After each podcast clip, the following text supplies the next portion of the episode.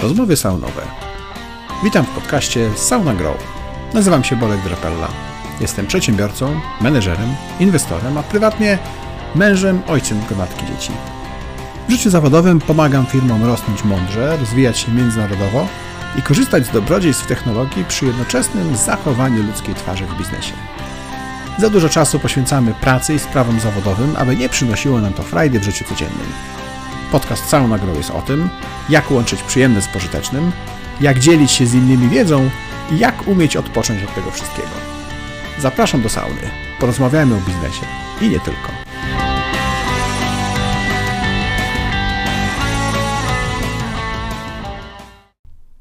Cześć.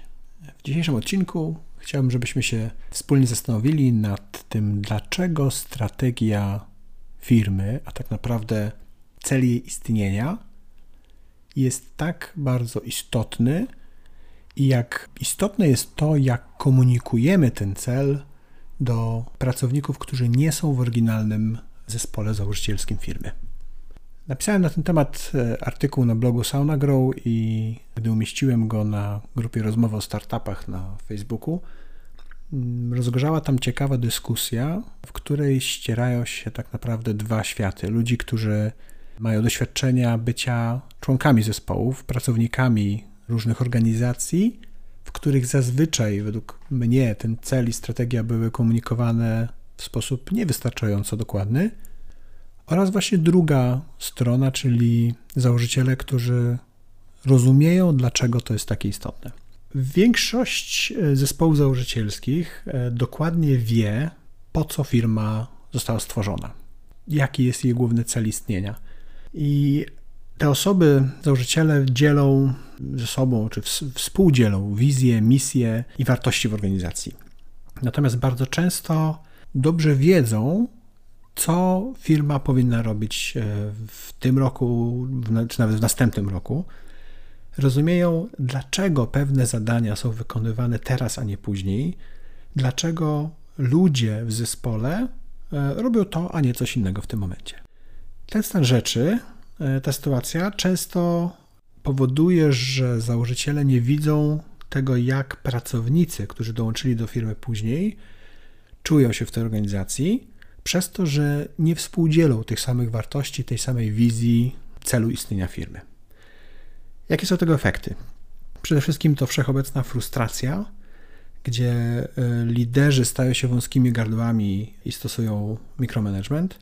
Założyciele e, są zmęczeni i szybko stają się wypaleni, a pracownicy cierpią z powodu braku własnego rozwoju i takiego wsparcia ze strony swoich założycieli, szefów, ponieważ nadają zupełnie na innych, e, na innych falach. Wtedy bardzo często organizacja kuleje i tak naprawdę może nie stacza się w dół, ale, ale faktycznie traci na, na tej pewnej, pewnej dynamice. To jest, to jest choroba, która bardzo szybko się rozprzestrzenia, a przy okazji rozprzestrzenia się bardzo po cichu. Jest to często niezauważalne, jednak jest to wystarczająco ciche i nagłe, że w momencie, kiedy nie jest to w jakiś sposób e, odpowiednio zaadresowane, to z czasem bardzo trudno jest znaleźć receptę na taki stan rzeczy w organizacji.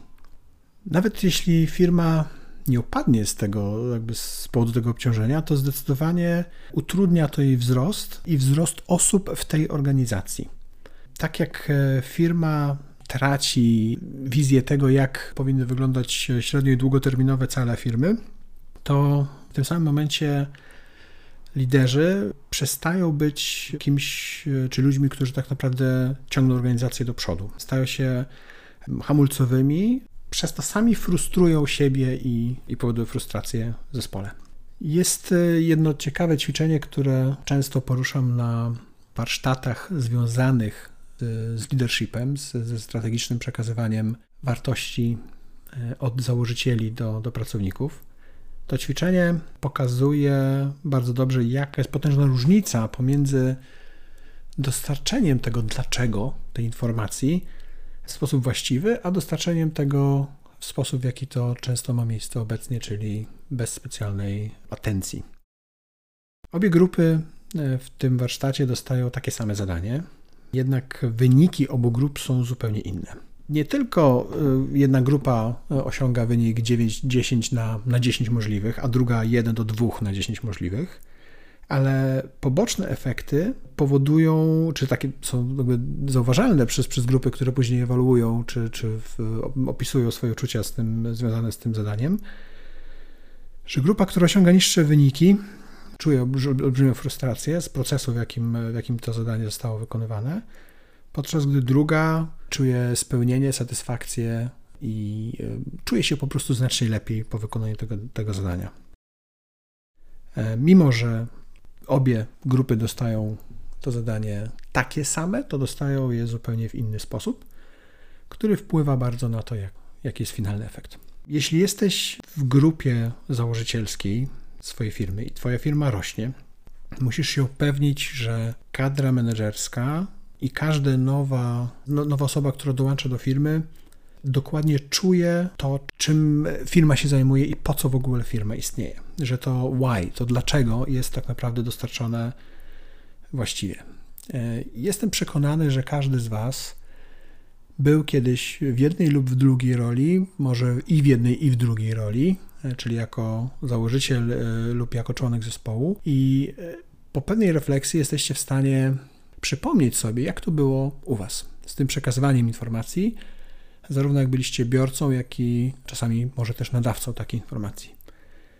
Po publikacji krótkiego artykułu na ten temat na grupie rozmowy o startupach, o których wspomniałem na Facebooku, gdzie jest ponad 55 tysięcy ludzi związanych z zakładaniem własnej firmy, z prowadzeniem własnej firmy i ze startupami, widać było wyraźnie, że część osób komentujących zupełnie nie rozumie lub nie zgadza się z istotą takich e, spotkań, takich, e, takich przekazywania tej informacji, bo to nie, nie zawsze oczywiście muszą być spotkania. Myślę, że te osoby, a było ich, było ich kilka niezależnych, czują się tak dlatego, że ta informacja była po prostu przekazywana źle lub jest przekazywana źle. Czują się trybikami w korporacji, uważają, że jedynym e, sensem istnienia firmy jest zarabianie pieniędzy, dla założycieli e, jest to zysk, dywidenda, jak zwał, tak zwał, a dla pracowników stała pensja. Jest to, uważam, ze wszechmiar złe i e, błędne rozumienie istoty działania firmy i istoty rozumienia szczęścia, takiego balansu w naszym życiu. Dlatego, że jeśli będziemy sprowadzać każdą naszą działalność e, zawodową do takiego kapitalistycznego podejścia, czyli zysk, pensja, koszty, przychody itd., tak to zatracimy coś, co w życiu jest znacznie ważniejsze od tego. Mam więc nadzieję, że uda się Wam zastanowić i podzielić też własnymi refleksjami z innymi. To może być rozmowa z przyjaciółmi, jeśli jesteście w, w gronie założycielskim jakiejś firmy, organizacji. Porozmawiajcie w tym zespole. Zastanówcie się, jak rozumieją misję i cel istnienia firmy wasi pracownicy. Zapytajcie ich. Spróbujcie zobaczyć, jak dobrze Wam idzie przekazywanie tego meritum tego, czym zajmuje się biznes i po co się zajmuje tym, nie tylko jak, ale po co.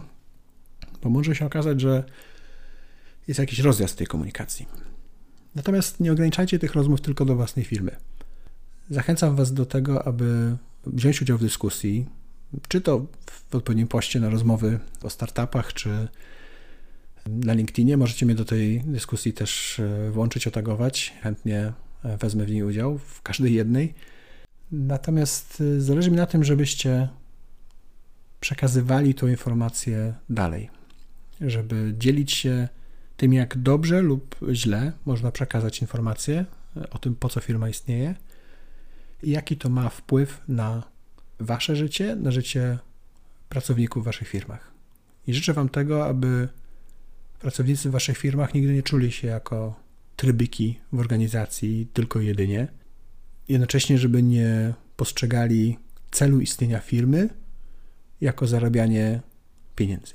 To jest cel wynikający może z kodeksu spółek handlowych, ale nie jest to cel z punktu widzenia misji i nie jest to cel, który przyświeca większości założycielom startupów i firm. Życzę Wam wszystkiego dobrego. Podobał Ci się ten odcinek? Bardzo prosimy, oceń nasz podcast w Twojej ulubionej platformie streamingowej. Jeśli możesz, podziel się linkiem z tego odcinka w social mediach, przykład na LinkedInie czy Facebooku.